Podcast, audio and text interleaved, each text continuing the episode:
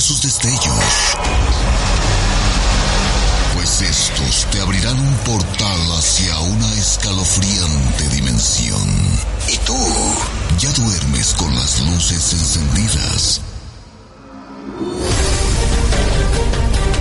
Radio Mexiquense presenta Historias del Más Allá. Te da la bienvenida a este tétrico portal, Carmen Peña. Adelante, pasa.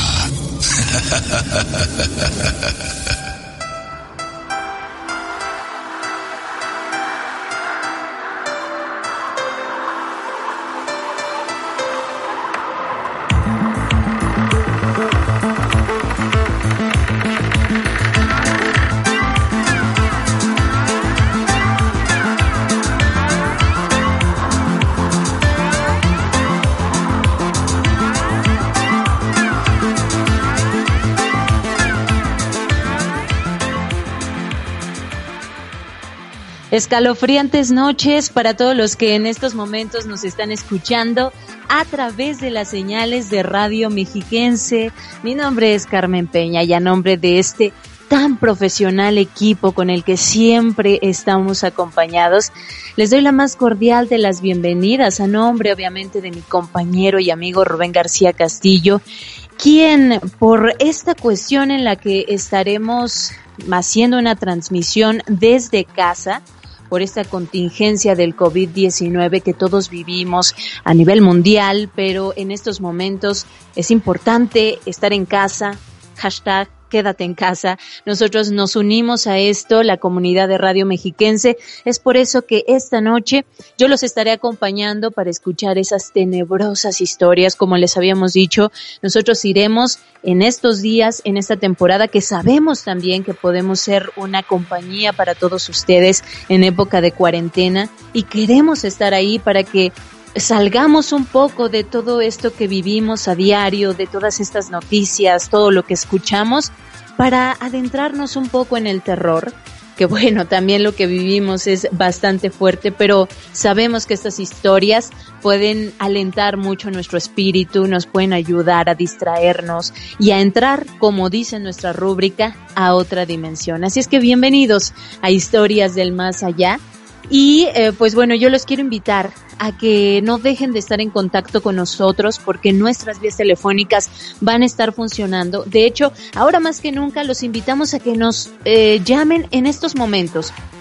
En estos momentos, miércoles 18, 10 con 4 de la noche, estamos completamente en vivo.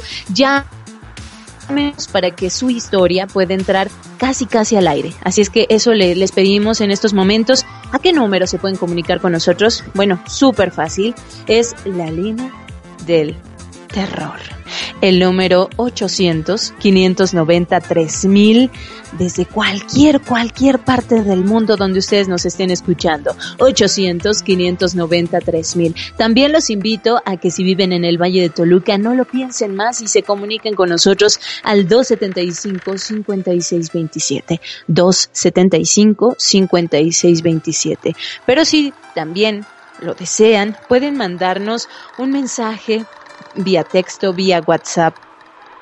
Y también pueden enviarnos su historia grabada. En estos días servirá de mucho que ustedes tomen su WhatsApp, que se pongan a grabar su historia como la vivieron y nos la envíen a este número que les vamos a dar para que la puedan estar escuchando en estos programas que estaremos transmitiendo en vivo. Así es que el número, el terrorífico, el macabro y oscuro WhatsApp del terror. Es 722 443 1600 722 443 1600.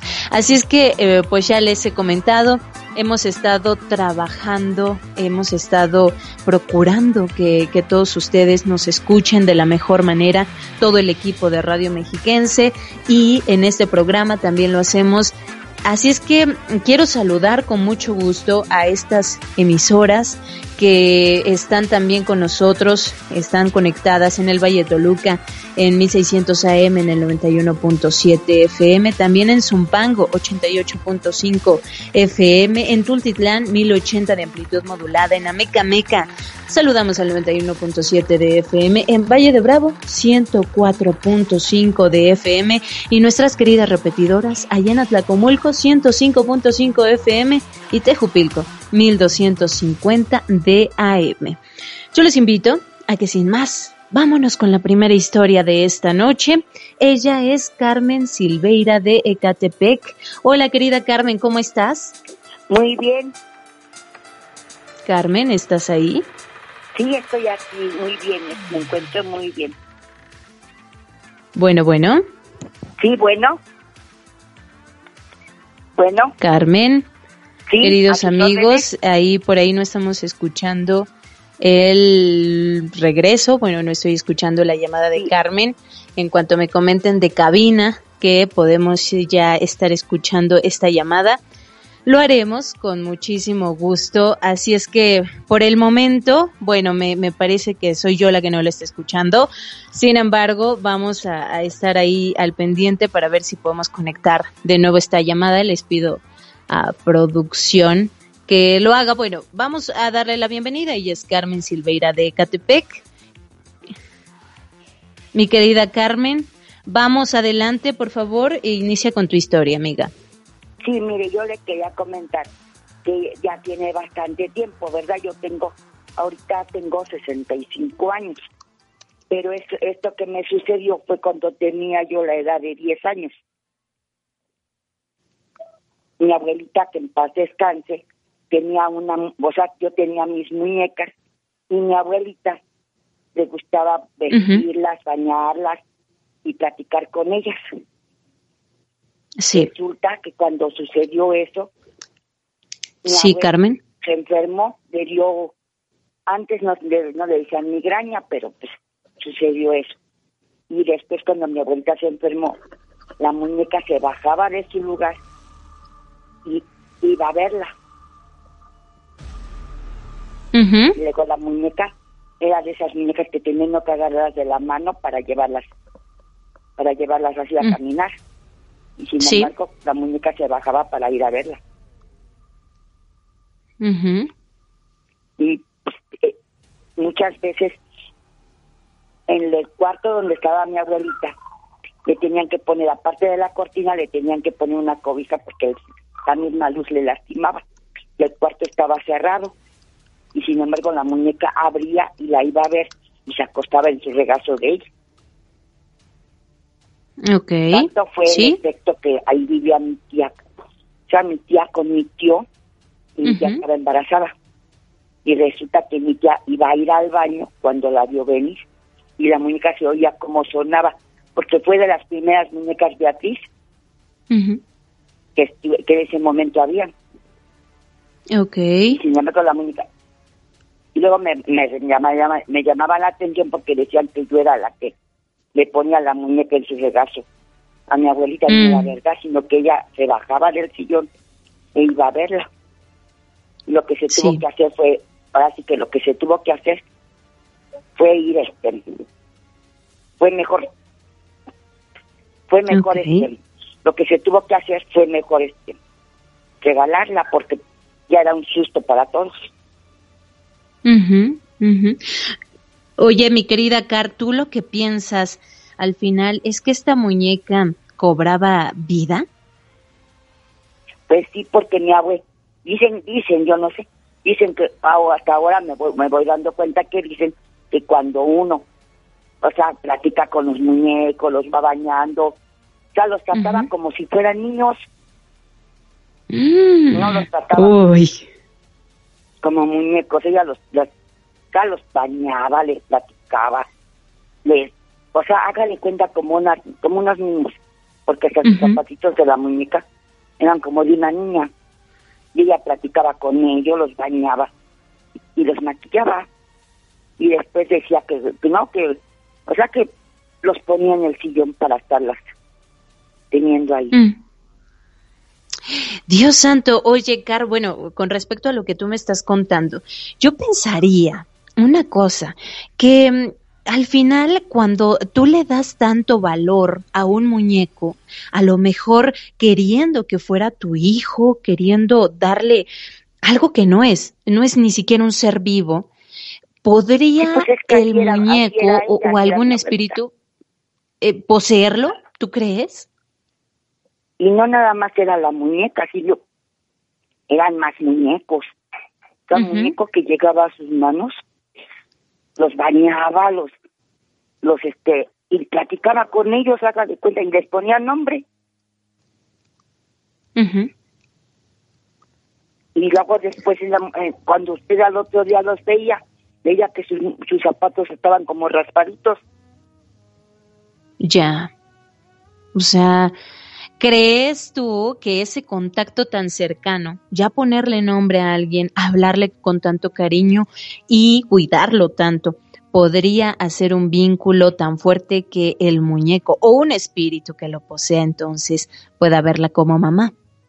Pues yo digo que sí, porque fíjese, la muñeca, eh, digo, fue de las primeras muñecas de Asís. Y ella le puso Lili. Que Lili, Lili, era una muñeca pelirroja. Sí. Y usted la veía, parecía una niña. Y la poníamos en el sillón de la sala. Entonces, la verdad, la verdad, ya desde que empezó a caminar, ya hasta a mí me daba miedo. Me decían que fuera a apagar la luz, me apagaba la luz y córrele, yo, yo me iba por mi cuarto. córrele, que aquí espantan. Sí, porque, y luego la muñeca, digo que, la muñeca en sí no podía caminar sola. Tiene uno que agarrarla de la mano para poder para que pudiera caminar. Y sin embargo la agarraba uno de la mano y se oía usted oía usted que hacía clac clac clac clac clac clac. Uy. Y entonces como es que la muñeca se bajaba sola del sillón y se iba al cuarto de mi abuelita a acostarse en su regazo Ay, Car, qué fuerte. ¿Cuánto tiempo viviste esto, amiga? Pues ya cerca, cerca, ahora sí que cerca de como tres meses y ya no, ya, ya mi abue, hasta decían los que los doctores que no sabían, no comprendían por qué mi abue se iba poniendo más mala. Ah, ok, ok. Eh, em, al perjudicar la salud de, de ella, pues la achacaban todos estos muñecos. No, pues no, no, decían que yo era la que le iba a besar la muñeca en su cuarto a mi abuelita. Yo no. Ah. Sino que solita abría la puerta para ir a verla. Ok, y la puerta podía estar con llave y ella la abría. Sí. Ay, qué fuerte, mi querida Car. De verdad que eh, trato de imaginarme esta situación en la que tú tienes que ir donde está la muñeca y cerrar la puerta. Dios santo, qué fuerte con todo esto, mi querida Car. Al final, ¿qué pasa con, con ella, con tu abuelita? Pues tuvimos que, o sea, que mi abuelita y mis tíos lo que hicieron fue regalarla. Ah, ok. Regalarla porque ya no, yo, o sea, ya no la querían en la casa. Ya nos daba miedo. ¿Ya no supiste qué fue lo que ocurrió con esta muñeca? No, pues ahora sí que fue de mano en mano y ya después dijeron que la habían tirado en la basura. Uh Ok. mi querida Car. Sí. Bien, mi querida Car, bueno, pues este, esta historia tremenda, escalofriante. Muchas gracias por haber estado con nosotros, por habernos contado tu experiencia, amiga. Sí, tengo más historias, ¿puedo hablarles después? Por favor, queremos tenerte de nuevo al aire. Bueno, Muchas gracias, eh, me dio mucho gusto comunicarme con ustedes. Muchas gracias, Carto Callita, gracias por estar con nosotros. Que estés muy bien, hasta luego.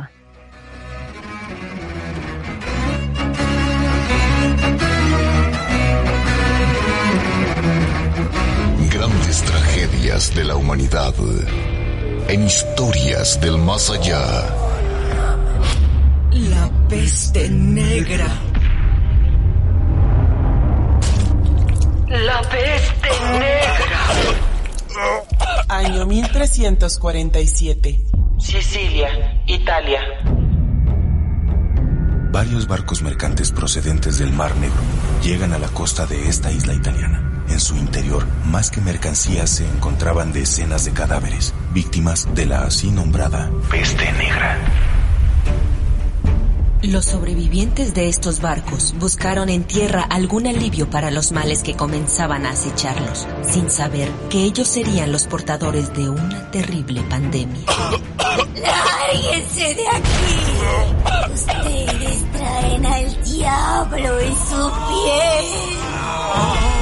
Al darse cuenta de la enfermedad que esos hombres traían, pues se distinguían por tener tumores infectados en el cuello, los habitantes de aquella isla trataron de que los barcos se fueran de sus territorios. Pero ya era demasiado tarde, pues ya había varios sicilianos contagiados.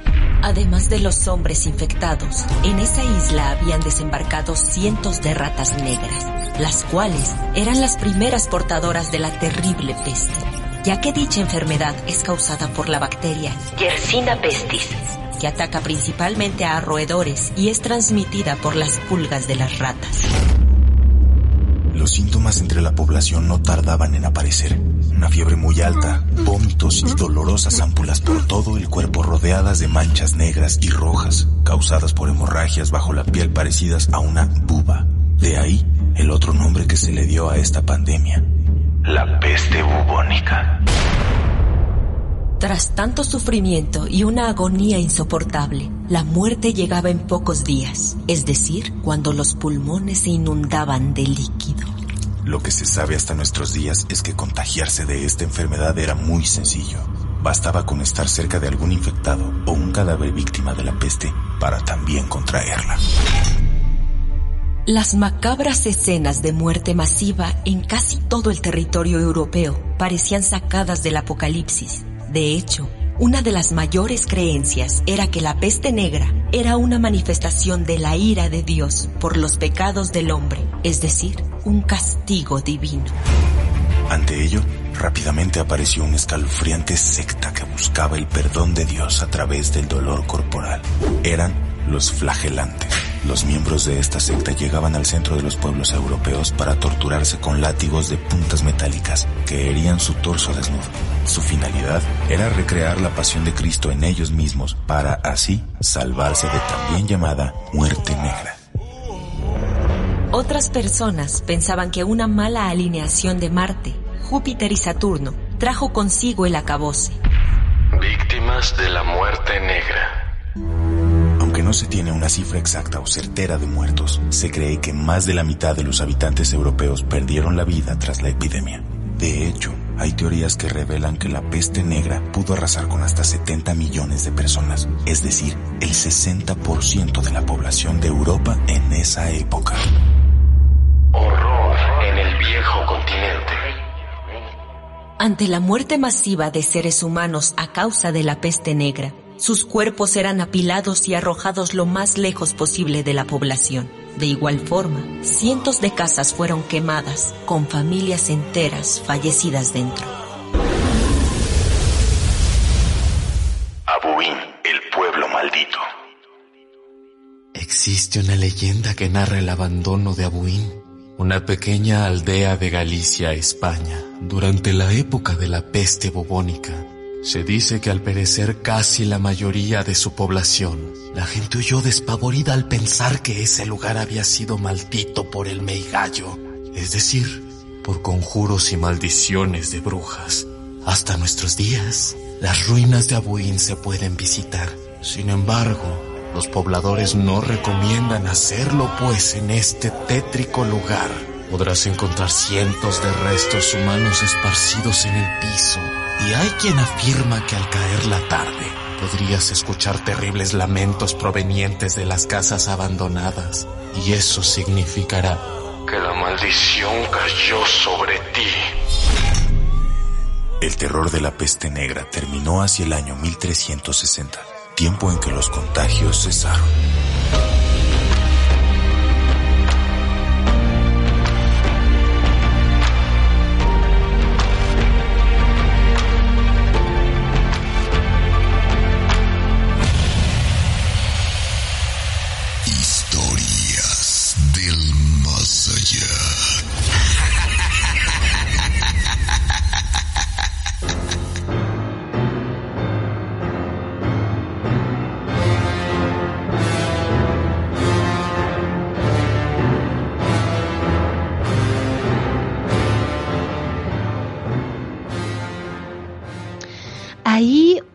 Las grandes tragedias de la humanidad, la peste negra. Sé que eh, suena a lo mejor un poco catastrófico, pero hay que saber, porque mucha gente piensa que esto de lo que estamos viviendo en estos momentos, que a lo mejor es más fácil que se pueda controlar uh, gracias a la tecnología que existe, a las telecomunicaciones, a Internet.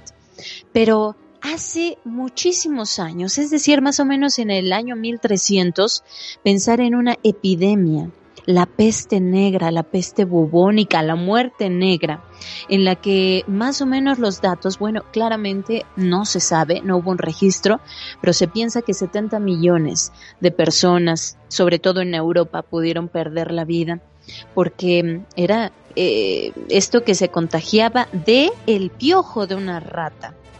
Ha habido muchísimas pestes, ha habido muchos virus que la humanidad sin problema ha podido, bueno, yo sé que hay pérdidas, pero que podemos estar seguros que mm, debemos estar unidos, que debemos estar atentos a toda la información que se nos dé en estos momentos para que salgamos adelante, no entrar en pánico. Ese es el mensaje que queremos darle eh, desde Radio Mexiquense, en donde así lo hacemos. Estamos trabajando completamente en vivo, pero no estando en contacto con otras personas. porque esta es la mejor opción? Hashtag yo me quedo en casa también entiendo que hay muchas personas que no lo pueden hacer porque sus trabajos los obligan a salir.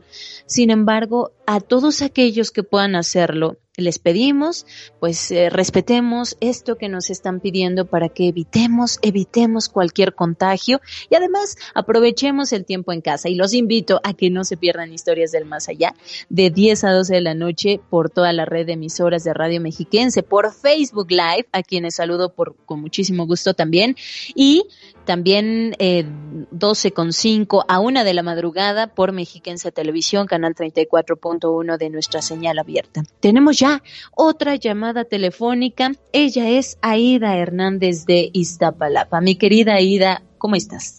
Bien, gracias. Buenas noches. ¿Y tú qué tal?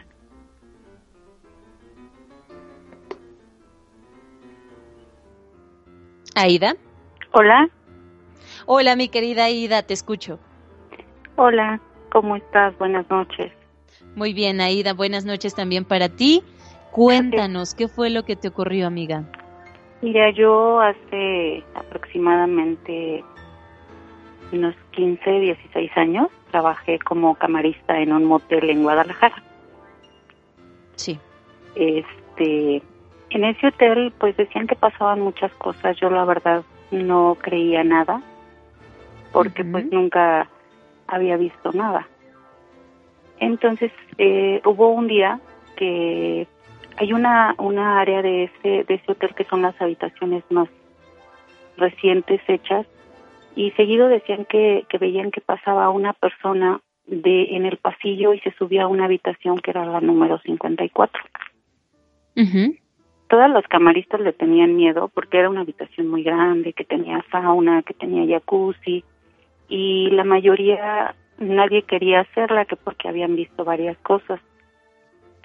Entonces en mm. esa área siempre decían que veían que pasaba una sombra y que se subía a la habitación y que de repente veían que se subía a otras habitaciones. Un día estando yo con una compañera que fue la primera vez que, que me pasó algo ahí en el, en el hotel, este echábamos carreras, ¿no? A ver quién se subía y terminaba eh, de hacer la habitación más rápido. Entonces nos paramos las dos frente a las cortinas de, de la habitación 50 y 51 que estaban juntas. Y en eso las dos sentimos que alguien pasó por atrás de nosotros. Mm. Las dos nos volteamos a ver y me dijo mi compañera, ¿sentiste? Y le dije, sí. Sentimos así súper escalofrío, sentimos el aire que nos pasó a las dos por la espalda. Sí. Y, y en eso mi compañera dice, hay que apurarnos mejor ya para irnos a, a la recepción o ya no quedarnos aquí. Le ya no me voy a subir sola. Ah, ya no, no, estaba que me moría de miedo. Y íbamos subiendo a la habitación, nos empezamos a acompañar y nos subimos juntas a arreglar las dos habitaciones, pero en la primera que nos subimos empezamos a, subir las escaleras y se veían como si hubieran tirado gotas de perfume en todas las, escaleras, o sea, escalón tras escalón había como gotas de perfume y olía muy fuerte, pero a flores así como de azar. Llegamos al cuarto y se sentía el cuarto helado, helado así helado completamente. Nos acercamos a ver la, abrir la ventana y nada. Sí. Entonces me dice mi amiga, hay que apurarnos rápido y nos vamos. Entonces ya nos apuramos, lo arreglamos. Al ir bajando la escalera, otra vez vemos que pasa, pero no era una sombra oscura, era así como vapor. Pero blanca, como blanquisca. Sí, era así como si fuera vapor de agua. Ya. Entonces me dice ella, ¿sabes qué? Hay que ponernos a rezar porque esto no está bien. Eh, ya pasó y nos bajamos rapidísimo y nos fuimos a la recepción y ya nos salimos de ahí.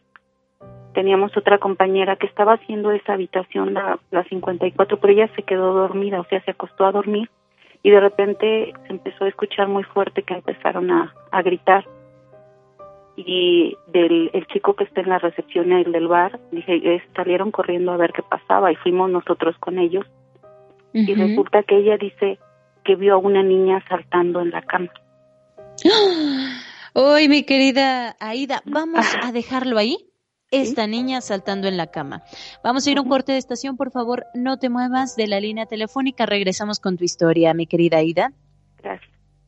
Gracias, no se muevan ninguno de ustedes. Quédense donde están y súbanle, súbanle a su radio, a Facebook. Es más, apaguen las luces. Hagan lo que tengan que hacer. Pero no se muevan porque algo detrás de ustedes podría estar. Ya regresamos.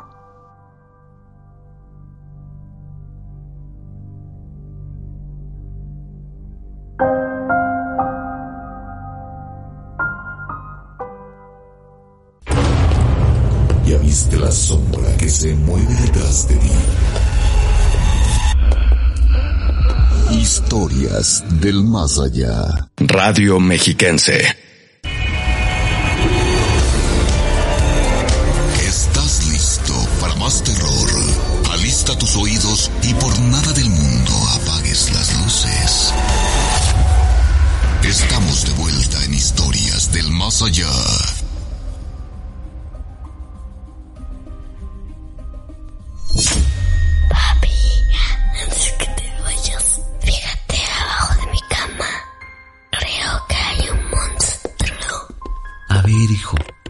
Voy a mirar abajo de la cama, pero puedo prometerte que no voy a encontrar nada. Papi, tengo mucho miedo.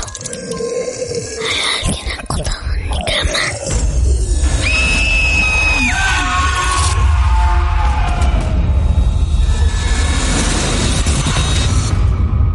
Historias del más allá.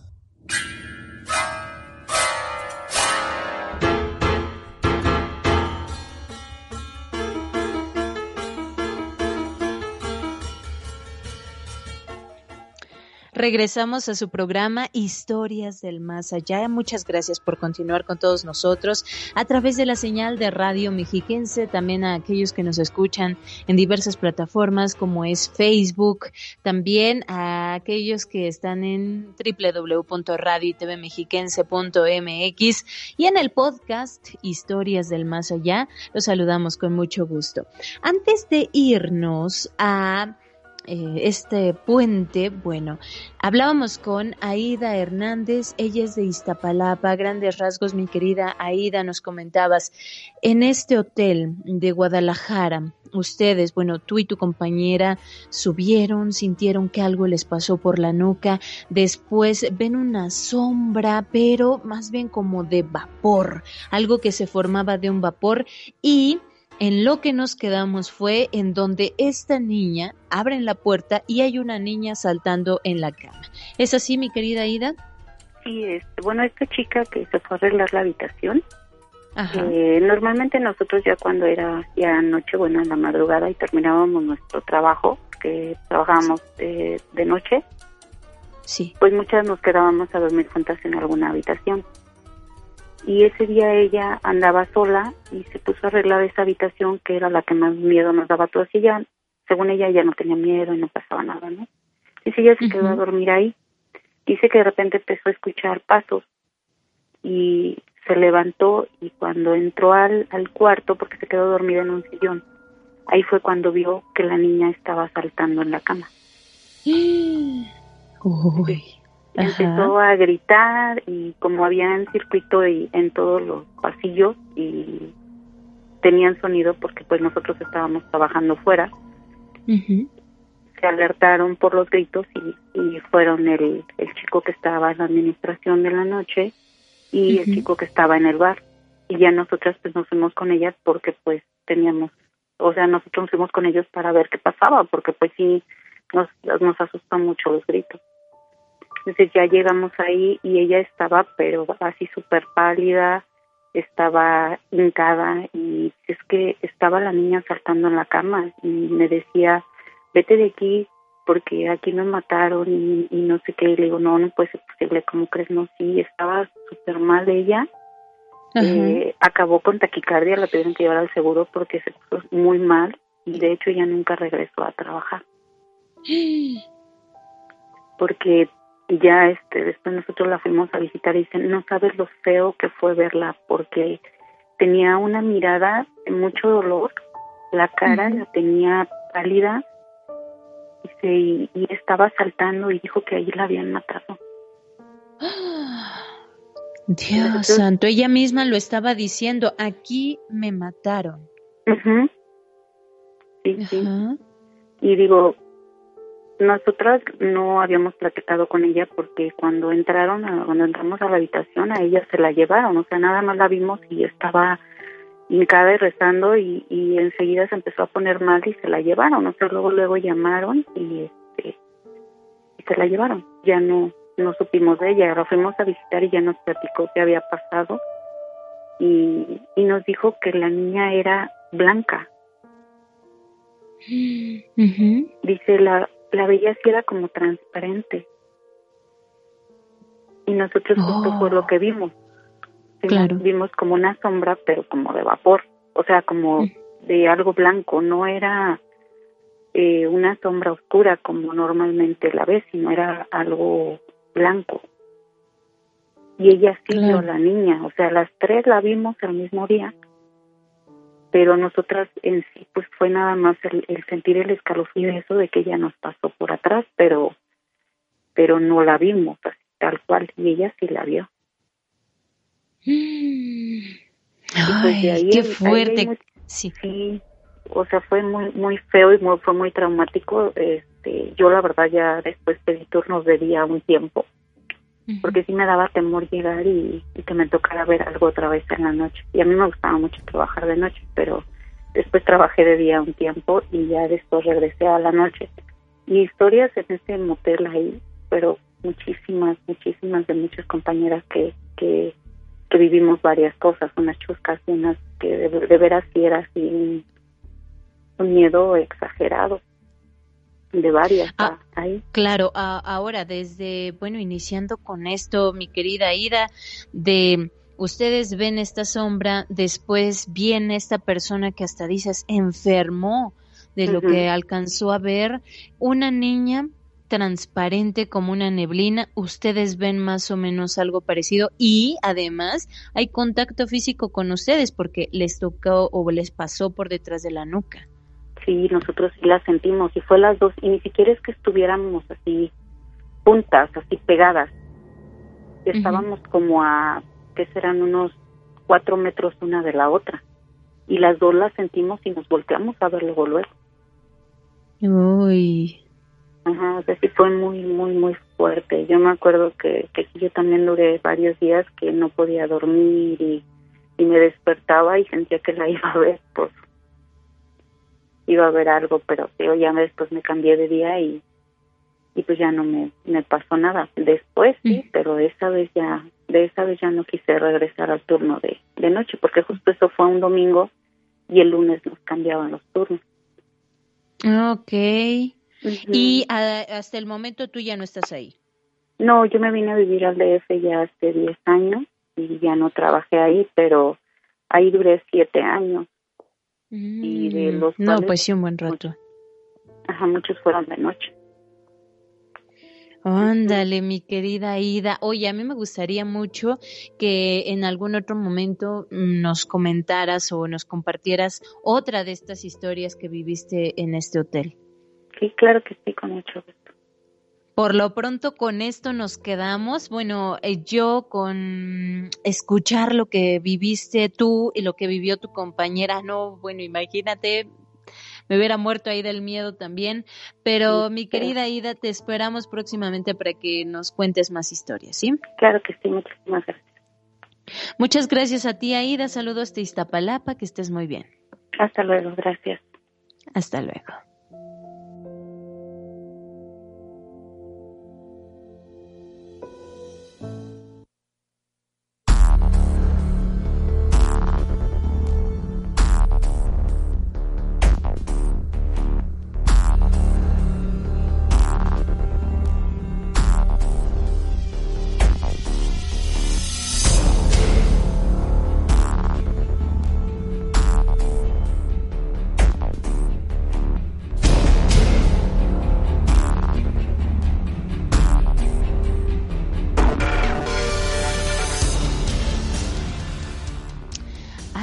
Tremendas historias que escuchamos, de verdad nos gusta mucho que se comuniquen con nosotros, que nos envíen sus historias y para eso les damos los números telefónicos a los que se pueden comunicar con nosotros. En este momento, hágalo. Si usted nos está escuchando, 800-593-mil, 800-593-mil o 275-5627, 275-5627. No lo piensen más, comuníquense con nosotros. Y también, si usted tiene una historia, un relato escrito, mándenoslo, no lo dude. Hágalo a través del WhatsApp del terror. El número 722 443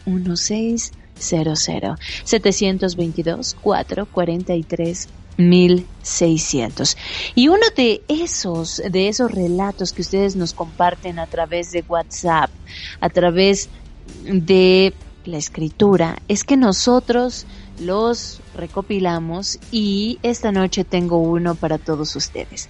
El nombre de esta historia, El taxi en el cementerio. Hola, mi nombre es Seth y esta es una historia que viví cuando estaba haciendo mi trabajo. Yo me dedico al transporte. Soy taxista de base, acá por San Felipe Tlalmimilolpan. Esa noche ya llevaba varios viajes, prácticamente ya había acabado. Ya tenía lo de mi cuenta y solo estaba trabajando para asegurar otro poco de dinero antes de irme a casa. Recuerdo que eran casi las once de la noche cuando subía un joven desde la bombonera es decir, en el centro de Toluca, para dejarlo por donde yo hacía base, es decir, por San Felipe. Todo iba bien. Este joven me venía contando de su trabajo, de fútbol, en fin, de todo lo que le interesaba. A esa hora la verdad es que yo ya estaba más relajado y como me quedaba bien el viaje, no llevaba prisa alguna. Ya solo terminaría con él para irme a dormir. El camino era tan largo pero todo estaba tranquilo. Curiosamente, esa noche había muy pocos vehículos. Estábamos llegando al panteón municipal, cuando de la nada comenzó a enfriarse el ambiente y yo comencé a percibir una niebla muy, muy densa que se acrecentaba conforme nos íbamos acercando al cementerio. Lo más extraño de todo esto era que el joven que venía de pasajero no podía percibir nada de estos cambios. Así es que seguí avanzando, ya con más miedo, porque la neblina no me dejaba ver ni siquiera por dónde iba. El joven comenzó a preguntarme que por qué frenaba, qué está pasando, qué le pasa. Y es que yo ya no veía nada. Yo ya me sentía muy mal. Solo teníamos que pasar una calle completa, pero esta cruzaba el cementerio. Y en un momento dado dejé de escuchar la plática del joven que venía conmigo, como si las luces y en general mi visión se oscurecieran. Solo empecé a distinguir unas sombras. Ya no podía seguir manejando. Me detuve y un terror horrible se apoderó de mi cuerpo. No podía respirar, estaba demasiado frío y demasiado silencioso. Y solo pude ver cómo, detrás de las puertas del panteón, comenzaron a salir personas. Sí, unas iban vestidas de negro, otras con ropa de calle normal, pero eran muchos, muchos hombres y mujeres saliendo por la puerta principal del cementerio. Esto entre la neblina y la noche. Se iban acercando al auto y todos llevaban un brazo extendido hacia enfrente como si quisieran alcanzar algo. En ese momento no sé cómo, ni por qué, ni qué pasó, pero yo me eché de reversa y cuando me alejé, todo regresó a la normalidad. Tenía más fuerza que antes. El joven estaba también muy pálido y asustado. En ese momento, él me dijo, Oiga, ¿usted vio a esa mujer que salió del panteón?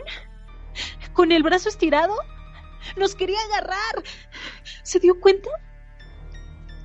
Yo le dije que veía cientos de personas, que yo no había visto a una nada más. Es decir, los dos estábamos viviendo algo parecido, pero él solo podía ver a una mujer. Dios santo. Yo comencé a rezar con todas mis fuerzas. Las palabras del Padre Nuestro me dieron valor. Así que aceleré y casi con los ojos cerrados pudimos atravesar ese cementerio. Llegué al destino del joven, se bajó de mi unidad, me dejó 20 pesos de propina y se fue sin decir nada. Me han pasado muchas otras cosas, pero esta les puedo asegurar que fue una de las más aterradoras. Les mando muchos saludos y que tengan tenebrosas pesadillas.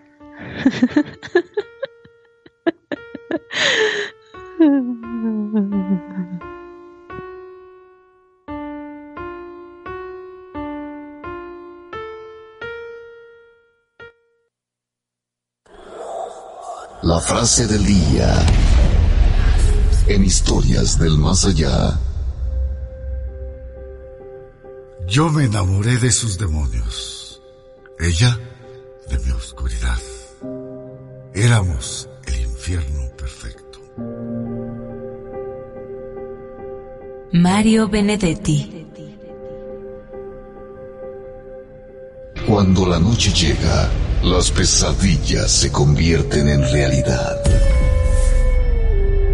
Historias del más allá.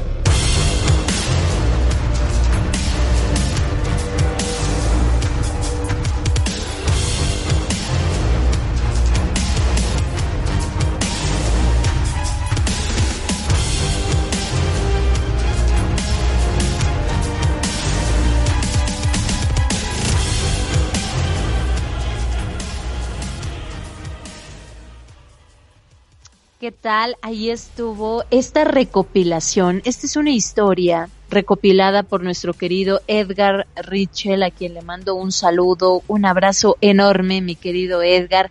También a Gabo, a Nat, a Bruset, a quienes eh, nos ayudan mucho en esta recopilación de historias y que después ellos eh, tratan de relatarla de la manera más acercada a como ellos la escucharon de viva voz. Así es que muchas gracias chicos, tremenda historia esta del taxi, pude imaginarme todo, estar ahí en la escena, ver cómo estiraban sus manos y no poder hacer nada. Qué fuerte. Muchas gracias a aquellos que se ponen en contacto con nosotros también a través de Radio Mexiquense del WhatsApp. El número 722-443-1600. 722-443-1600. Y por acá nos dice, buenas noches, saludos a los dos conductores más macabro, espelu, fantásticos. ¿Cómo? Macabro espelu fantásticos de la radio, su amigo de siempre Luis Estrada de Tepotzotlán. Este saludo, mi querido amigo Rubén García Castillo, es también para ti, que sé que en estos momentos nos estás escuchando, amigo. Así es que muchas gracias. Ahora no podemos estar juntos, ¿verdad? Por esta contingencia. Estaremos transmitiendo separados, es decir, en estos días eh, eh, una servidora les estará acompañando y ya la próxima semana podrán escuchar esa voz del terror. Bueno, por aquí tenemos ya la siguiente historia de la noche. Antonio Alfaro, él es de Tultepec, en el Estado de México. Hola, mi querido Toño. Hola, buenas noches. ¿Cómo estás, Toño? Bien, bien, por aquí, Teresita. Este, saludándote de aquí de la parte es norponiente del estado de Tlaxcala, Tultepec. Ah, ah, cierto, Tultepec, o sea, es que no es Ok, no, no, no, este, no teníamos por ahí bien el dato, pero bueno, te saludamos, te abrazamos de lejitos como debe ser ahora, ah, mi querido Toño, con eso del hasta Tlaxcala. Mira, este, la historia que te quiero contar ya tiene hace unos ayeres, hace como 30 años. Ajá. 30, 30 años, este, en ese entonces andaba yo por los 15, 16, eso me pasó en el Estado de México, ahí por el rumbo de Amecameca. Ok, a ver. Mira, esa pasa que en ese entonces yo joven ingresé a las Fuerzas Armadas y de ahí nos mandaron a la capacitación ahí por Amecameca. Por Amecameca ahí hay unas, bueno, en ese entonces unas galeras, algo así por el estilo.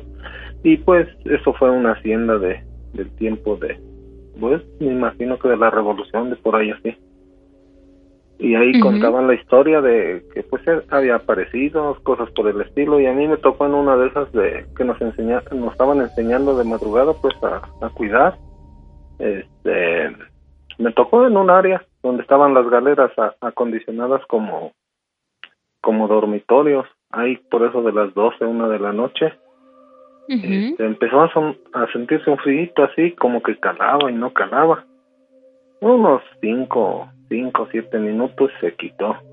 En eso empecé a oír que venían así como caballos. Y yo me asomaba para todos lados, digo, ¿qué? ¿Qué, qué pasa? ¿Qué? ¿Qué, qué, qué, onda? Ajá, y digo, ¿qué? Claro. Nada, y a, a lo lejos se, se venían acercando, acercando, acercando. Y atrás de los caballos se veía cómo caminaban las ruedas de las carretas de antes, como de fierro, algo así. Mm. ahí te estoy hablando por la fecha de por noviembre, por ahí así, más o menos. ¿Te imaginas estar solito ahí como de 16, 15, no, como de 15 años, estaba yo por ahí más o menos y, híjole, pasa, te digo, pasa el ruido y yo nomás lo que hice me retranqué en la pared y el, el mismo sonar de los caballos, de los caballos pasó y sin ninguna persona, nada, nada, nada más fue el puro el puro sonido que sigo escuchando, pues. Y te digo de las carretas que se veía que, que iban rodando, rodando en la, la piedra, porque esos caminos tienen todavía piedra, piedra de río, piedra de bola, que se le llama, pues. ¿Te imaginas? este, y atrás veía que caminan, caminan personas, pero nada, yo no vi nada, nada más lo escuché, ¿te imaginas? Ay. Oye, Toño, pero, o sea, tú dices, escuchas estos caballos, después escuchas que viene la carreta. Sí, van ¿La escuchas acercarse a ti? Sí, sí, pasan así, porque yo nomás me quedé retrancado en la pared. Pero el camino, nomás se pasó así el ruido, así, se, pasó y se fue perdiendo. Así como venía de lo lejos, pasó y se fue. Se fue. Sí, ya el otro día, bueno, amaneció y ya empecé a preguntar ahí a los compañeros, ¿qué hago? ¿Qué pasó? ¿Qué? No, dice, ya los que tienen tiempo ahí, dice, no, esto ya es cotidiano para nosotros. ya ya es cotidiano, dice, entonces ya no, no le tomamos mucha importancia, pero para uno que acaba de llegar, anda uno por ahí, ¿te imaginas? muy, muy este, impresionante, pues. Oye, ¿has escuchado acerca de este mito llamado mm, la carreta fantasma? Ah, por acá por el rumbo de donde estoy, no. No, no, no, por acá no. aquí son otras y tengo más historias que me han pasado pues este así de que he escuchado pero te soy honesto visto no solo he escuchado Ok, te lo comento, esto de la carreta fantasma, ¿por qué? Porque ya lo hemos leído, además nos lo han contado. Y esto es muy parecido a lo que tú viviste, mi querido Toño. Es decir, se habla de una carreta, o sea, vienen caballos jalando una carreta y lo pueden escuchar pasar, o sea, por la calle. Es decir, yo escucho que esta pasa aquí enfrente de mí. Salen y no la ven. Y la gente cuando pregunta, oye, es que yo viví esto, les dicen, pues date de santos que no la viste, porque es la carreta que viene por algún alma, y si tú lo hubieras visto, o sea, solo la escuchaste, pero si tú lo hubieras visto, a lo mejor esa alma eras tú. Pero bueno, que no estaba, no era.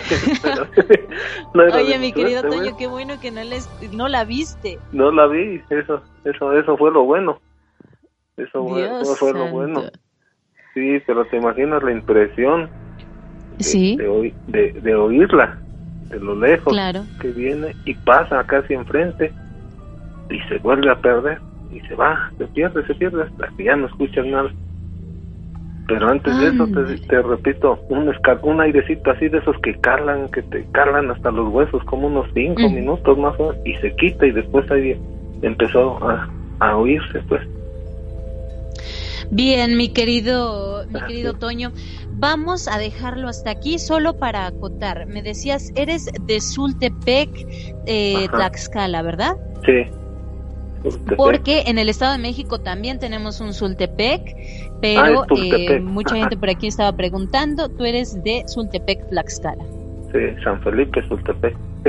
Eso, San Felipe de Sultepec, sí señor. Gracias mi querido Toño, gracias por Ahí más adelante, si hay otra ocasión, les cuento otra historia, las que les me, y me han pasado aquí, este, bueno, ahí en el Estado de México, ahí por el lado de Texcoco, de Santa Lucía. Ok, perfecto, por favor no dudes, llámanos y entrarás al aire. Órale, gracias, que estés bien, Carmelita. Buenas noches. Gracias, Toño. Abrazo grande, ¿eh? abrazo a la distancia. A la distancia, sobre todo. Un beso también, que estés muy bien, mi querido Toño. Gracias. Adiós. Cuando la noche llega, las pesadillas se convierten en realidad. Historias del más allá.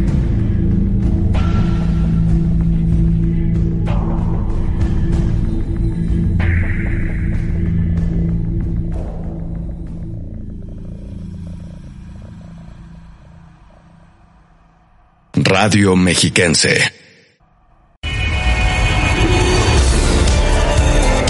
¿Estás listo para más terror? Alista tus oídos y por nada del mundo apagues las luces. Estamos de vuelta en historias del más allá.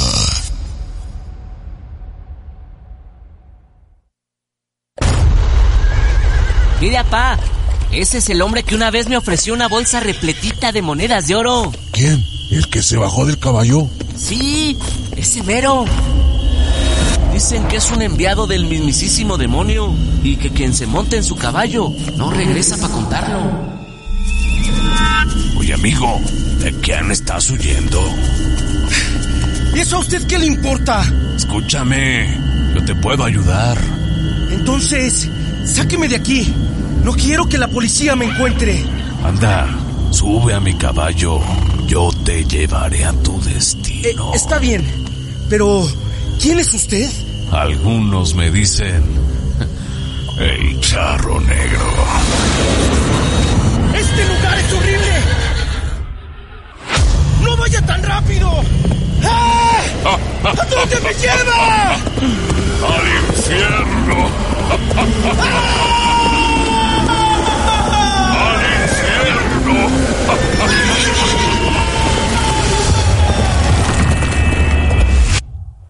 Historias del más allá.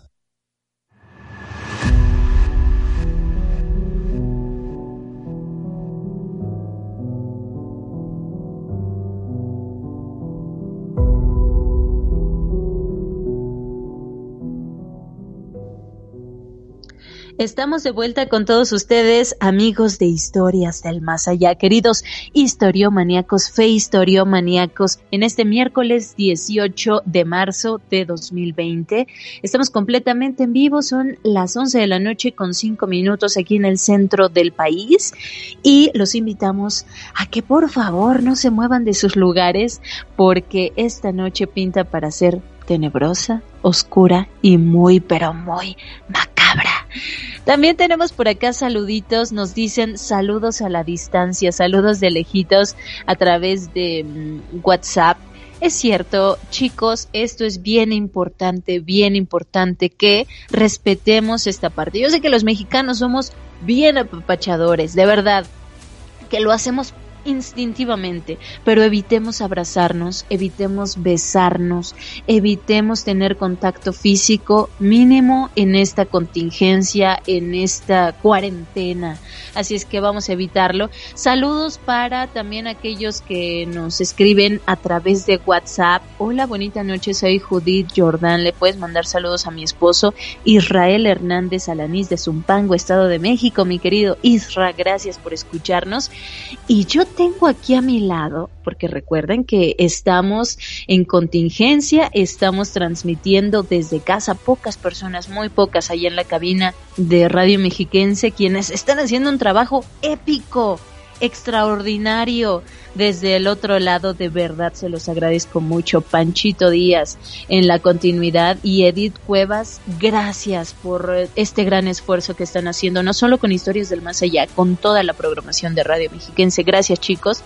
Y tengo aquí un gato negro que me acompaña porque es Merlín y está conmigo, entonces si escuchan por ahí un maullido, no es del más allá, es del más acá y es de un gato negro. Vamos a escuchar esto que seguro les interesará.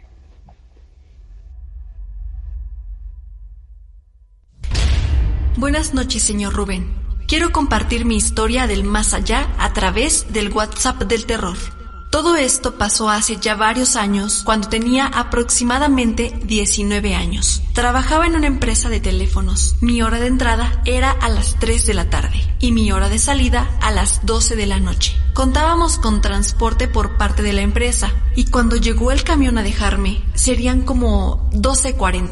Por lo regular mi mamá me esperaba despierta, pero en esa ocasión, cuando llegué, ya estaba dormida al igual que mis hermanos. Vivíamos en los departamentos del Jaral del Berrio Infonavit San Francisco, en el tercer piso. Llegué de trabajar, me senté en la sala y enseguida me levanté para ir a la cocina por un vaso de agua. Regresé a la sala y prendí la televisión. De repente se fue la luz y me extrañó porque la luz del alumbrado público alcanzaba a entrar por la ventana y alumbraba un poco, por lo que la casa no estaba totalmente oscura.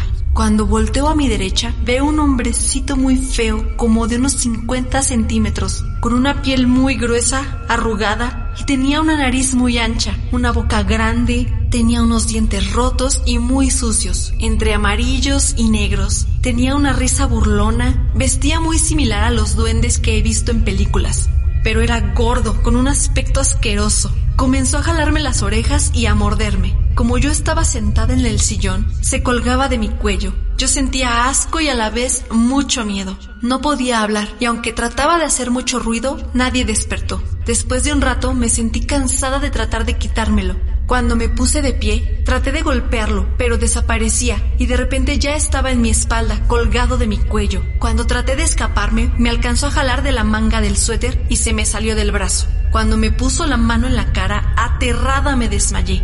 Cuando reaccioné, ya eran cerca de las 5 de la mañana y la luz ya había llegado. Estaba aterrada y asqueada. Fue la peor experiencia que había tenido. Al investigar me dijeron que era un gnomo. Esas cosas existen. Pensé que eran solo de cuento. Les doy las gracias por su atención. Buenas noches y que tengan dulces pesadillas. Historias del más allá.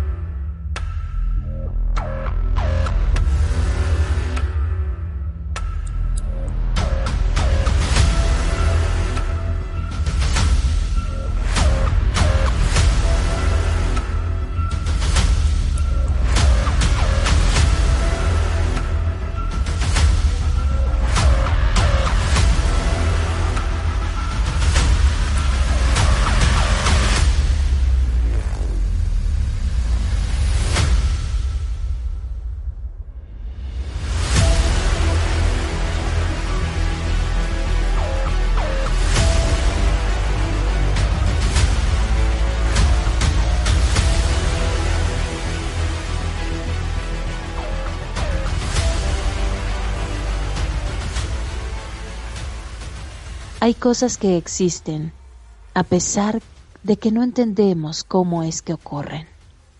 En un pequeño pueblo de Hidalgo corre una historia muy famosa relacionada con la leyenda de una bruja. Dicen que hace mucho tiempo llegó a este lugar una joven pareja. La mujer acababa de dar a luz y sus vecinas le insistían sobre los cuidados que debía tener con su recién nacido pues ya habían sido varias las víctimas de aquella dichosa bruja.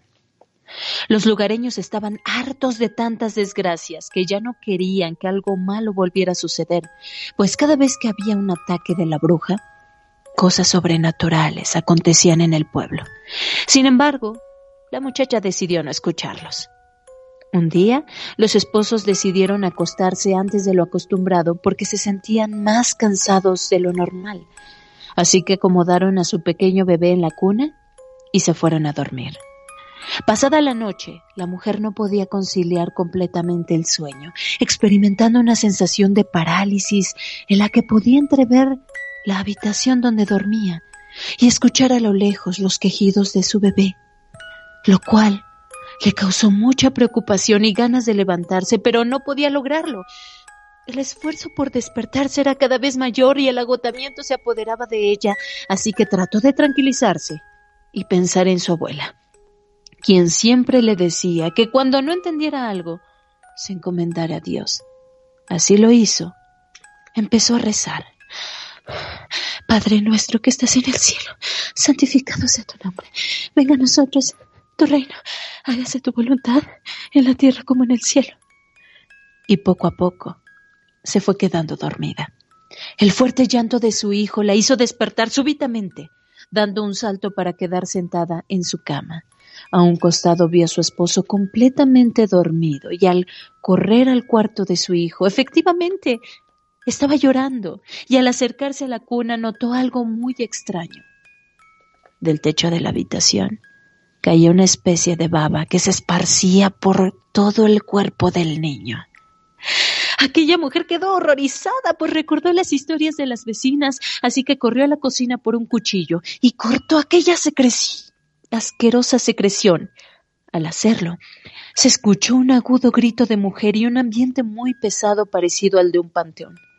Al día siguiente, el niño amaneció enfermo sin explicación alguna. Estaba pálido, presentaba fiebre y una rara expresión de susto.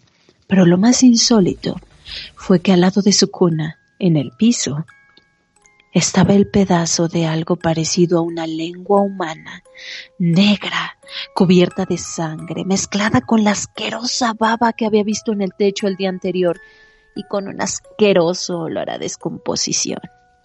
Esa misma tarde, al platicar con sus vecinas el suceso ocurrido el día anterior, se encontró con la noticia que la dejó perpleja.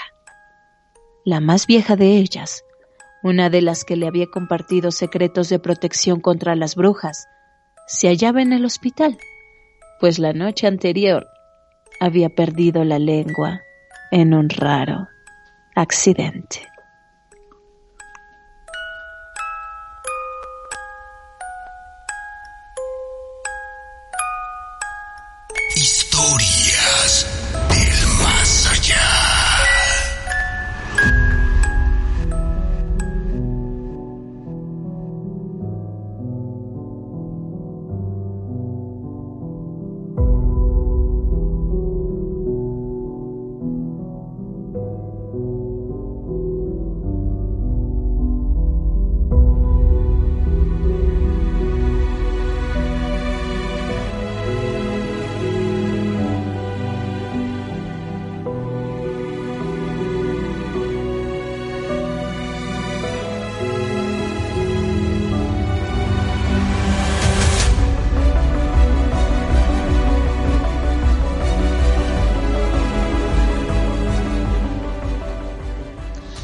Escalofriantes historias que hemos escuchado en estos momentos a través de historias del más allá por Radio Mexiquense. Dios santo, qué tenebroso está todo esto en un ambiente muy tenebroso también. Pero realmente esto, esto de las historias que aquí contamos, sé que a través de los mensajes que nos han enviado, pues sirve de mucho en esta cuarentena eh, a la que a muchos nos han enviado y espero que a la mayoría del país así lo haga. Así es que, bueno, vámonos con la siguiente llamada, ¿les parece? Ella es Isabel de Tecamac. Hola, mi querida Isa. Hola, buenas noches. Hola, Isa, ¿cómo estás? A todo dar. Eso, esa es la actitud, Isabel. Ah, Bien, bien, gracias a Dios. Oye, mi querida Isa, cuéntame, ¿a qué te dedicas tú? Yo al, al hogar estoy en mi casa. Ah, muy bien, mi querida Isa. O sea que con esto de la cuarentena no tienes tanto problema. No, ya estoy grande y no, no salgo mejor. Ay, qué bueno, mi querida Isa. Cuídate muchísimo, ¿eh? En esta temporada. Ajá. Me da Gracias, gusto que gracias. estés con nosotros, que estés al aire, ya estás en Historias del Más Allá. Adelante, cuéntanos tu historia. Sí. Mire, yo tengo 68 años. Este, este, Sí. y me crié allá por, por la Huasteca. Sí, Isa. Y Oye, mi que, querida este, Isa, perdóname, de casualidad tienes la radio prendida también porque me parece que te estás escuchando en la radio. Ya, ya, ya la, ya la pagué mejor. Eso, apágala para que me puedas escuchar directamente a mí. Sí. Bien. Ok, me dices, eh, te criaste en Tecamac. Bueno, vivo en Tecama. Ok. Este, fíjese que este, que yo andaba, en aquellos años andaba yo en las ferias de becera, pero este, en las ferias, y este, y yo era huérfana.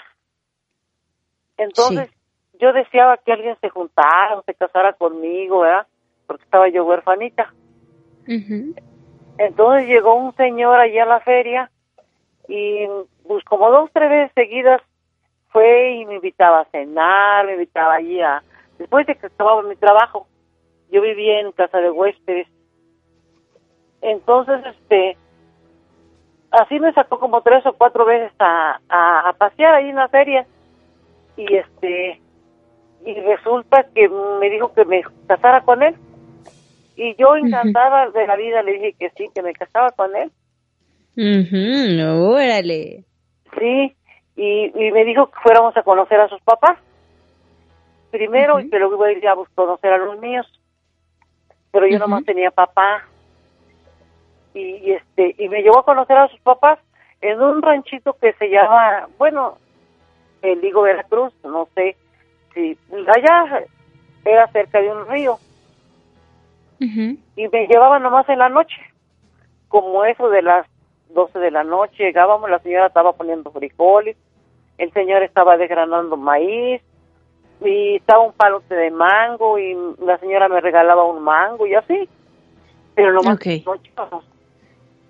Yo siempre llevaría como unas tres o cuatro veces. Yo vi que la señora traía su vestido de, no su vestido, sino un papel rosito. Como yo trabajaba y no trabajaba para Por ahí, mi querida Isa, no te estoy escuchando muy bien. Em, Podrías, no tienes altavoz, ¿verdad? No. Ok, pega un poquito más el teléfono a tu boca para que te pueda escuchar bien, amiga. Ah, sí. ¿Llevaba un rebozo? En eso me quedé. Sí, entonces ese rebozo, este, viejito así, lo que hice fue comprarle uno y un, este, y un babero y llevárselo. Se lo llevé a la señora. Sí. Y luego, este, Mm, sí, Isa, ahí tenemos problemas con la comunicación. Regreso tu llamada a cabina para que podam- podamos por ahí mejorarla y que todos los que nos están escuchando a través de radio, a través de www.radiotvmexiquense.mx podamos entender perfectamente tu historia. Ella nos está contando acerca de estas ferias donde ella estaba normalmente y en la que un muchacho le dijo que se casara con ella, ella acepta y en lo que estoy entendiendo, eh, esta persona tenían por ahí un, un rebozo, ella Ella veía que una señora traía un rebozo muy viejito y decide comprarle otro. En cuanto tengamos eh, ya esta llamada, eh, recuperaremos la comunicación con Isa. ¿Ahí estamos? Bien, Isa. Bien, este rebozo viejito tú le compras uno. Sí, le compré uno. Pero eso nunca se Bueno, yo no le que se pusiera. Sino lo dejó doblado en la mesita donde el señor estaba desgranando. Y este. y, y, ya me llevó como tres o cuatro veces a su casa para no hacerla muy larga. Y este, y entonces, este. Ya me llevó tres o cuatro veces a su casa. Y era lo mismo, poner frijoles, desgranar maíz en un petate y, y luego me dijo, ya, le, ah, luego ya me dijo, este, yo le dije a él, ahora te toca que vayamos a mi casa a conocer a mis papás, a mi papá para que me pidas. Y me dice, sí, pero resulta que pasó una noche, pasó otra noche, pasó otra noche, y él nunca regresó. nunca, nunca regresó, ya. Si no pasaron así varias semanas, me dije, no, pues yo voy a buscar lo que me dio una explicación por qué no volvió, yo no le hice nada. Claro, oye, ya le sacó a conocer a los papás. No, pero espéreme lo peor que era. A ver, a ver, a ver, a ver, no te adelantes, Carmelita. Sí, mire, este, no era humano, porque este, pasó, ya no, ya fui yo donde yo fui, está llevaba lo que a buscar a Pánuco, porque esto pasó en, en Pánuco y entre Ligo y un lugar que se llama Tantoyuca. Uh es, eso pasó. Entonces la feria se cambia, ahí en Pánuco tardan muchas semanas las ferias y, y este y es un y luego ya de allí agarra y este y ya no fue a buscarme, entonces yo fui a buscarlo y no di con el, que allí donde él me llevaba sobre el cañaveral donde él vivía porque él cortaba caña, traía un carro de caña, de, de caña de cuando él la okay. Entonces nunca di con esa casita, donde él me llevaba nunca di con ella nunca. Si no, este, pasó tiempecito y me acordé que él me había dicho que él tenía una hermana. El, el, pueblo se llamaba el pueblito y la carnicería que, que donde que tenía su hermana se llamaba el pueblito, el ranchito, el ranchito y el pueblito, así. Oh, okay. sí, y entonces yo me acordé, me fui a buscar a la hermana. Fíjese, pero para eso, una noche antes, yo volví a ir yo ahí a buscar ese lugar, pero no lo encontré, pero encontré otra casa donde él me había llevado, en un cuartito que decía que allí iba a fincar su casa para cuando nos casáramos. Y Ah. fui, pero yo al entrar a esa casa, a ese cuartito tenía las puertas abiertas, estaba el brasero así, a un ladito de la mesita, y en otro lado. Y este, y cuando yo me arrimo a la cama, Ah, no era cama, era una como catre de otate. Allá se ocupan las camas de otate o de rajas de poco. Y este, y al yo querer agarrar el bulto, le, le digo, ay, aquí estás condenado. Le digo, ¿por qué no me fuiste a buscar ya? Entonces ahí en la, en el- cuando yo lo iba a agarrar, sentí una cosa aguadita nada más y hicieron así. Así hicieron. Entonces yo salgo destapada, pero yo tenía el coche ahí en la puerta. Salgo destapada y me meto al coche. Y al otro día fue cuando yo fui a buscar a la señora esa que era su hermana de él. Y ya llegué yo con la señora, era fácil de, de, de llegar con ella porque ella se llamaba Sofía la señora y me dijo que tiene una carnicería, que la carnicería se llamaba el ranchito y el pueblo se llamaba el pueblito, ahí en el Higo, Veracruz. Sí. Y, y este, entonces ya yo llegué con la señora, pregunté por ella, el señor me pasó, me dieron un vaso de agua y entonces la señora me empezó a enseñar fotos. Yo le dije a lo que iba yo, porque su hermano no me había visto la cara, le dije yo, y él se comprometió conmigo y con él, con él pasó algo, le dije, y yo quiero que me cumpla también, le dije yo así. Y me dijo, a ver, pásese, me dice, pásese. Y este, y ya me pasó para adentro, tenía muy bonito la señora, bongadillas, palos de mango, bonito tenía la señora su casa. Y me empieza a sacar unas fotografías en aquellos, en aquellos años, porque fue como por el 70 esto que le estoy platicando, yo tenía 15 años, 16 años tenía yo. Uy, Este, eres bien pequeña, Isa. Sí, y, pero yo era huerfanita, por eso andaba en las ferias. Sí. Ajá, y entonces fíjese que que me empieza a sacar un álbum y fotografías y me dice, señor, señorita, dice, mi hermano hace 30 años murió. ¡Ay, Dios! Y digo, ¿cómo que murió? Sí, dice, venga. Ella me subió a su camioneta y el coche que yo llevaba no sigue. Y me- donde, donde me llevaron, apareció un jacalito caído. Este, el, pa- el palo de mango que yo había visto era, estaba muy alto, que era imposible agarrar un mango así, de, así colgado como yo lo agarraba. Este, el brasero caído, el petate roto. Y fíjese que este, que a, a- la mesita que donde yo vi estaba volteada boca abajo con las patas para arriba, pero ya no tenía patas. Y abajo de la mesa estaba el babero y el rebozo que yo le había llevado dobladito. ¡Ay, Isa! Ujú. Entonces le digo, sí, entonces le digo yo, pues, ¿qué, ¿qué es esto? Yo le dije, ¿qué es esto? Dice, es que mi hermano tiene tantos años que se murió, dice, mire, iba al carro, dice, y este, y iba de lado la carga, él se baja para decirle al, al señor que la acomoda, la máquina que la acomodara, a la hora que se baja, dice, el carro se ladea y la caña se le entierra directamente en el corazón, murió. Así me dijo. Y él decía que él nunca iba a dejar a mis papás, dice, a la mujer con la que se casara, que tenía que quedar con sus papás de él, porque era el único varón que tenía. Dije, Y entonces, eh, de ahí, este, yo agarré mucho miedo, ya así cuando me hablaban para novio, yo ya no, ya no quería yo. No, hombre, Isa. O sea, esta, esta relación, digamos, era la primera. Sí. La primera relación que tú tenías, relación Ajá. amorosa, y te salen con esto, Isa. Sí, ¿usted cree? Ay, vamos a ir a un corte, por favor, no te me vayas, mi querida Isa. Vamos a terminar esta historia. Por favor, cuando regresemos a todos ustedes, nos queda media hora de historias del más allá, así es que ni le cambien ni lo piensen, porque de aquí no nos vamos hasta la medianoche. Ya regresamos.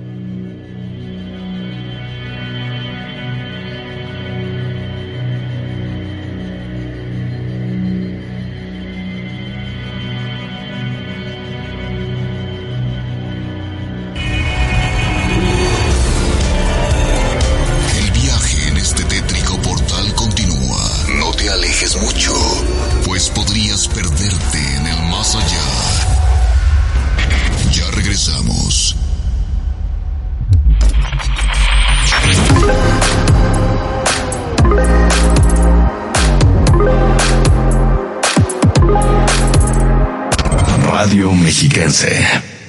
Radio Mexiquense. ¿Estás listo para más terror? Alista tus oídos y por nada del mundo apagues las luces. Estamos de vuelta en historias del más allá.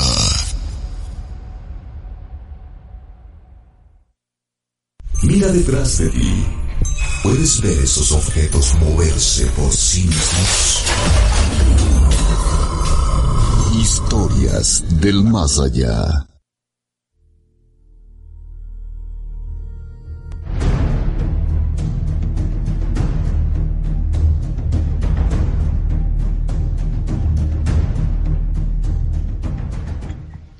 Estamos de vuelta en su programa Historias del Más Allá a través de todas las frecuencias de Radio Mexiquense. Gracias por permanecer en sintonía con nosotros. Gracias por acompañarnos a través de sus mensajes también a través de Facebook, de nuestra mm, transmisión en línea www.radioitvmexiquense.mx. Recuerde, en una media hora más, usted nos podrá estar viendo también por el canal 34.1 de nuestra señal abierta. Vámonos con este relato que a mí me dejó Dios santo, pero con el ojo súper cuadrado, mi querida Isa de Tecamac. Bueno, a grandes rasgos ya nos decías, este primer amor que te propone matrimonio, después eh, cuando eh, te dice, tú le dices, oye, vamos ahora a conocer a mi familia, desaparece. Pero la, la mujer a la que buscas como su hermana para decirle, oye, ¿qué onda? Eh, Él ya no vino, él ya desapareció de mi vida, te muestra un álbum familiar en ese álbum está él y dice, él. falleció hace 20 años, pero algo decías de que la mujer que él escogiera como esposa se iba a quedar con sus padres. Así, así, así, así es. y- Y este, desde entonces yo agarré mucha desconfianza así para que me hablaban de novia ya no. Ni, ni, ni tampoco nunca me casé. Tuve hijos, pero nomás así normal, pero ya casada no, porque tenía miedo. Ujú. Tenía Que miedo. volviera a suceder esto, Isa. Ajá, que volviera a eso, porque era una gente normal, era un muchacho normal, y era ve- de- de cuando se murió tenía 26 años, y eso ya tenía, habían pasado ya hace 20 años, entonces ya ya hubiera tenido 45, 46, él se veía un muchacho como de 22, 23, 25 años, así se veía él, una persona normal. Ok, Eh, eh, pero al final de cuentas, mi querida Isa, no era una persona, era un fantasma lo que, con lo que tú tuviste relación, digamos, y él buscaba a alguien que mm, pudiera darle este regalo a sus padres, en este caso el rebozo. quién sabe, dice, esa es la cosa, porque yo le regalé eso porque la señora, su, su babero tenía unos hoyotes, su rebozo igual, entonces yo decía, ¿por qué andará así la señora? No, pues él, él él- ellos eran cañeros, Le- ellos eran cañeros, porque ahí en el Ligo Veracruz, a, eso se dedican, ahí está la zafra, ahí está la fábrica de azúcar. Cierto. Ujú. Sí, Esto está muy raro, mi querida Isa, pero bueno, es algo que marca tu vida, que como tú dices, te trauma en cierto modo, porque tú ya no querías tener una relación de ese estilo, decías no. gracias, pero no me vuelven a engañar. sí, le digo, y, y, y luego cuando tuve después, pues ahora sí, yo tengo de más, más así, más o menos así, de un ángel así que se me apareció, que vio por mí también, y muchas, muchas cosas me pasaron, porque yo anduve vagando, todo el mundo anduve vagando yo. Muy bien, mi querida Isa, veo que tienes más historias, a mí me encantaría escucharlas porque además lo narras muy bien. Te pido que esta semana no dejes de comunicarte y sabes, te paso un tip para que pases al aire, que lo hagas a la hora del programa, es decir, de 10 a 11 y media de la noche más o menos, comunícate y vas a pasar directo, ¿sí? Ajá. Perfecto, mi querida Isa, gracias por estar con nosotros. A usted gracias. Salúdeme a don Rubén, por favor. ¿Cómo? Salúdeme usted a don Rubén. Ah, don Rubén te está escuchando, así es que ahí está mi querido Rubén. Isa, te manda un saludo muy grande. Ajá. Gracias, Isa, que estés muy usted, bien gracias. y que tengas dulces pesadillas. Igualmente, igualmente. Gracias, Isa.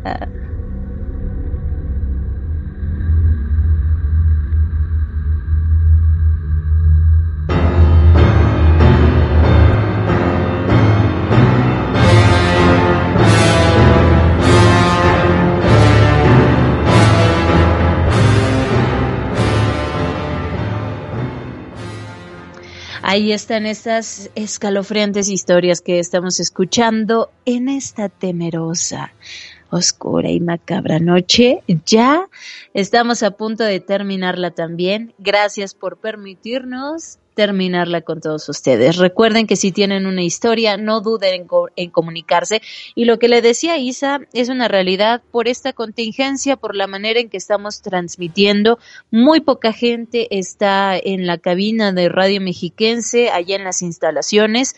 Así es que les pido que eh, ustedes estén comunicando de 10 a 12 de la noche para que de esa manera su historia en cuanto entre pueda pasar al aire. Normalmente no ocurre así, hay que esperar cierto tiempo para que ustedes puedan pasar al aire. En estos momentos eso les ofrecemos, así es que no lo duden más. Ahora sí que aprovechen esta contingencia para que si ustedes también están en cuarentena, cuenten esa historia y todos nos alivianemos con estas noticias que tenemos de todas partes.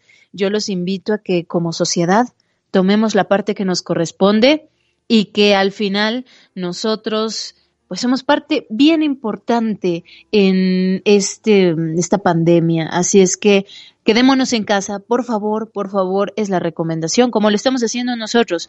Los locutores estamos desde casa transmitiendo para todos ustedes. Bien, por ahí em, seguimos con esta transmisión. ¿Les parece si vamos a escuchar esto?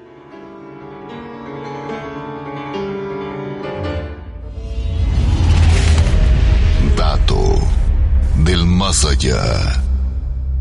Ciguapa. La ciguapa es una criatura mítica femenina, parte del folclore de la República Dominicana un país donde habitan muchos entes desconocidos. Esta criatura es similar a una mujer india, cuyas piernas son excesivamente delgadas y los pies están orientados en sentido inverso. La ciguapa tiene piel morena y ojos rasgados. Es pequeñita y bajita, aunque algo grotesca. Su complexión no guarda proporción con un cuerpo humano y está cubierta de vello abundante. Sin embargo, se afirma que es increíblemente bella de rostro. Tiene el cabello suave, lustroso y largo. Con él se cubre el cuerpo, ya que no lleva vestimenta alguna. Se le considera una entidad malvada dotada de poderes mágicos, capaces de embrujar a los hombres. Acecha por las noches cerca de los pueblos en busca de algún caminante nocturno al cual embrujar, amar y luego matar. Es por eso que los dominicanos prefieren evitar mirarla directamente a los ojos para escapar a su embrujo.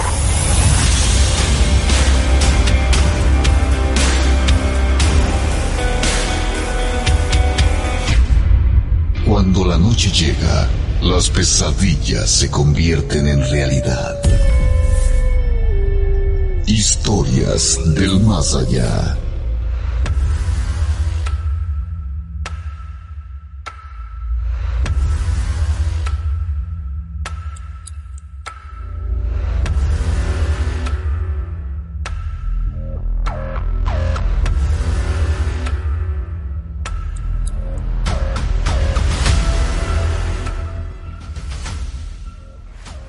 Ahí están estas historias, La Ciguapa en voz de Rubén García Castillo. Gracias, mi querido amigo, por compartirnos este dato desde el más allá, pero es su casa, ¿eh? No se me vayan a espantar, él está en su casita guardando cuarentena como debe de ser. Hashtag todos en casa, por favor, quedémonos en casa. Bien, vámonos con la última llamada, último relato de la noche. Él es Emanuel Zamarripa de Monterrey. Hola, Emanuel. Hola, Carmelito, buenas noches, señor Rubén. Hola, hola. Bienvenido, mi querido Emanuel. Eh, estás al aire en el programa Historias del Más Allá. Cuéntanos cómo vives tú la cuarentena en Monterrey. Pues mi esposa con mis hijos están en, están en casa. Eh, a mí todavía en el trabajo no me han dado la orden de, quedarnos en casa, pero yo creo que en estos días, yo creo la próxima semana tal vez ya ya nos están dando la orden porque las ensambladoras están están deteniendo producción. Entonces, bien. Eh, o sea que sí podrías hacer en algún momento eh, trabajo en casa, home office, como Sí, sí eh, es, muy probable, pero este, pues dependemos de, las órdenes de, la empresa. ah, muy bien. Pero aún así las las, las eh, medidas de, seguridad y higiene se, están aplicando, gel, están desinfectando, entonces de alguna manera estamos controlados, por así decirlo, nos toman la temperatura en las mañanas, entonces va todo bien hasta el momento. Qué bueno, qué bueno, mi querido amigo, que toda la pues todo también allá se estén tomando las medidas necesarias y ojalá que pronto estés en casita para que también disfrutes todavía más de historias del más allá. Pues sí, de hecho las historias yo las, las disfruto más en el trabajo, eh, yo es en ocasiones sí los, los puedo escuchar en la noche, pero yo como quiera en la, en la mañana, a las nueve, diez de la mañana, yo ya estoy escuchando las, de todo el programa de la noche y, y así me la he pasado. Entonces en el trabajo yo es donde estoy escuchando básicamente todo el programa. A veces aquí en la casa, por las actividades con los niños, a veces un poquito complicado, se asustan a veces. Entonces prefiero mejor en el trabajo escucharlos ya completamente yo en, eh, con mis audífonos y yo estoy al 100% ahí en el programa metido en el, en el programa. Gracias, Emanuel, por ser un radio escucha. Ahora nos toca escucharte a ti. Vamos con tu historia para que nos dé tiempo. Bueno, mira, esta historia, esto, esto que les voy a contar le pasó a mi hermano, al más chico, se llama Cristian. Eh, este, esto, esto que le pasó a él, eh, le pasó en, en un pueblo que se llama Guanamé, en el estado de Venado, en, en el, perdón, en el municipio de Venado, en San Luis Potosí. Este, ahí ese pueblo eh, tiene mucha historia porque fue una ruta de lo que fue lo que es la independencia, entonces tiene sus iglesias eh, muy enormes, prácticamente parecen mm. catedrales, entonces eh, hay, haciendas, entonces hay, un, ambiente muy muy de este tipo, ¿no? De que se puede prestar para historias y todo eso. lo, lo que mi hermano me platica, yo no es en esa ocasión, yo no fui, es normalmente las fiestas ahí son en, en, en, en agosto 15 entonces, eh, esa cuestión yo no fui. Y él me platica que pues mm, se, reunieron con varios primos, ahí anduvieron ahí paseando en la noche. Él pensaba que todos iban a regresar a la casa de mi abuelita a dormir y llegaron a la casa de una tía. Entonces, pues ahí estuvieron pasando la noche, o sea, vaya platicando. Entonces él les dice, oye, ya son las once y media, este, pues vamos a la casa. Entonces mis, mis demás primos le dicen, no, nosotros vamos a quedar a dormir aquí. Entonces mi hermano le dice, oye, pues ¿por qué no me dicen? Pues me hubiera ido temprano la distancia yo creo son unos 300 metros, 400 a lo mucho de, en el pueblo, entonces pues él, pues vaya, pues no, no le vio ningún problema. Eh, el, el problema o el detalle fue que al momento de regresar pasa por un cruce muy conocido, vaya, hay un tipo, de, digamos, de cantinas donde siempre están afuera tomando, etcétera, pero en esa ocasión a él se le hizo raro que al llegar ahí a la plaza, a ese cruce, eh, no había nadie más que una sola persona.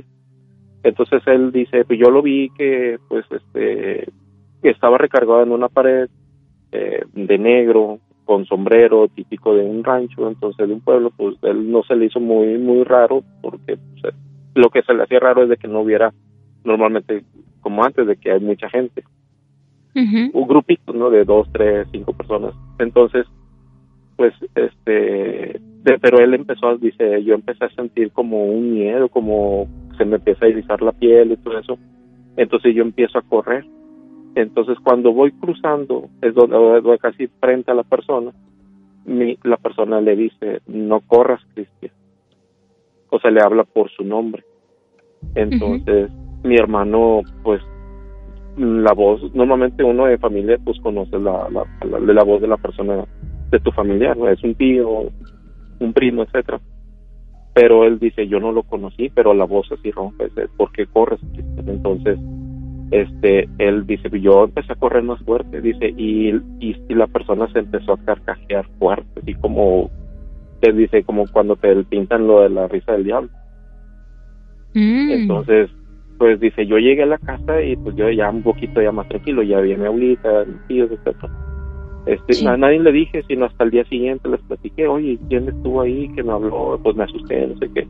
Y pues nadie, o sea, y ahorita eso ya le pasó hace como cinco años y ahorita es a la fecha de que no ha sabido quién, quién es, eh, quién fue esa persona. Dice, pero era una persona de negro, con un sombrero, yo nunca le vi la cara, pasé a escasos cinco, diez metros de distancia a lo mucho. Este, y, nunca supe, dice, pero lo que me hizo muy curioso es que me dijo por mi nombre, habló por mi nombre, no tengas miedo porque corres, Cristian. Entonces eso fue algo que le impactó mucho y yo la verdad hace poco que me la platicó y yo nunca he sabido, yo tengo más de 40 años y nunca me ha tocado vivir este, una situación así en ese pueblo. Este, eso fue lo que le pasó a mi hermano. Ya. Este, y otra que te quisiera contar algo rápido. Eso le pasó a mi abuelito y, eso lo acaba de, me lo acaba de platicar mi papá. Bien, tenemos un minutito, mi querido Emanuel. es algo rápido. Sí, mira, estaba mi abuelito, venía de regreso de una, de una siembra. Entonces, este, dice que él ya regresando a caballo, el caballo le, le realizó, vaya, quiso reparar. Entonces él lo trata de controlar. Dice, a mí lo que se me hizo muy raro es que se cruza un coyote se cruza el coyote y yo logro que el caballo siga avanzando. Y justamente donde cruzó el coyote se escucha un lamento. Escucha un lamento, no el grito de la llorona, no, el lamento como la mayoría de la gente lo, lo dice que lo ha escuchado. Ah, es solamente el, lamento, dice, y él dice, pues ya me asustó. Dice, cuando voy llegando a la casa, le van informando que un hermano de él había fallecido. Eh, él, mi abuelito cuenta que pues mi, su hermano pues sí fue muy malo, ¿no? En el sentido de, golpear mucho a las esposas, etcétera. Y este, entonces él cree, dice, le platica a mi papá, dice, yo creo que pues él era el, el espíritu o, el, el diablo que, o no sé, algo malo que pues vino por mi hermano y se lo llevó, o sea, iba al lamento, o sea, eso escucho. Donde iba, oh. donde iba, pues sí, o sea, dice, me faltaba un kilómetro para llegar, dice, pero pues un kilómetro, ¿cómo vas a escuchar un lamento, no? Y ya era ya un tardecita, seis, siete de la tarde, ya en un rancho ya a esas horas ya está oscureciendo y está haciendo frío, entonces eso esa es otra otra anécdota que le pasó a, a mi abuelito en, en ese mismo pueblo. Ya, pero era eh, esto eh, no le causó más problema, o sea, no, no, después de, que pase esto con el caballo. No, no, o sea, lógico, pues, eh, pues al, al, caballo querer realizar, al reparar, este, pues, pues claro, uno se agarra y, trata de no caerse. Y pues más que nada mi abuelito ya tenía en ese entonces unos 60, 65 años, o sea, ya una caída de esos ya pues, le puede tener problemas. Pero lo, lo ah, logró controlar. Lo que se le hizo muy extraño es de que el coyote pasó y nunca se asustó un coyote, dice, él se ve y no, no, no, se trata, no trata de acercarse. No, hombre, no, para nada. el coyote cruza y cuando yo cruzo a la altura donde el coyote cruza en el camino, se escucha el lamento, dice, y el caballo pues empezó a poner como loco, dice si yo afortunadamente no me no me caí, me alcancé a, lo alcancé a controlar, a agarrarme y logró, logré seguir con el caballo. Ya cuando llego allá me acaban de informar que mi hermano Entonces mi abuelito, él dice, yo creo que estos, o sea, vinieron por el alma de mi hermano y, y, eso yo creo que fue el, lamento que yo pude tal vez fue lo que ocurrió. Ay, mi querido Manuel, se nos ha terminado el tiempo. Estas historias estuvieron buenísimas. Gracias por cerrar este programa y ojalá que pronto, si tienes más historias, vuelvas a estar con nosotros. Tengo más de la, en la casa de mis papás que me han pasado a mí, entonces pues yo creo que son las siguientes. Perfecto, Emanuel. Muchas gracias. Cuídate mucho. Un abrazo a la distancia, un beso también, todo a la distancia. Muchas gracias. Saludos a todos. Gracias, Emanuel. Que estés muy bien.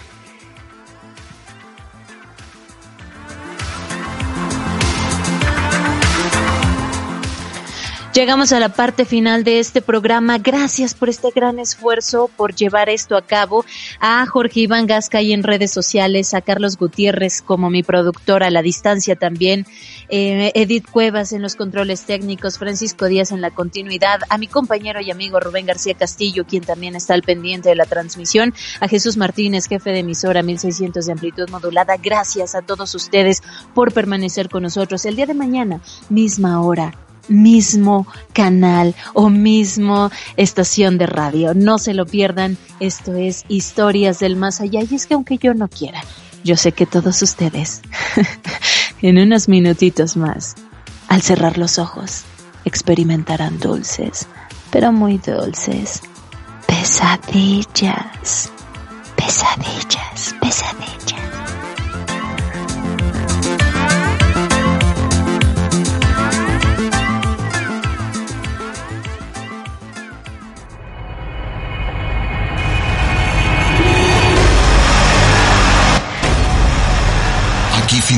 Las historias del más allá. Pero no te preocupes, porque el insomnio apenas comienza.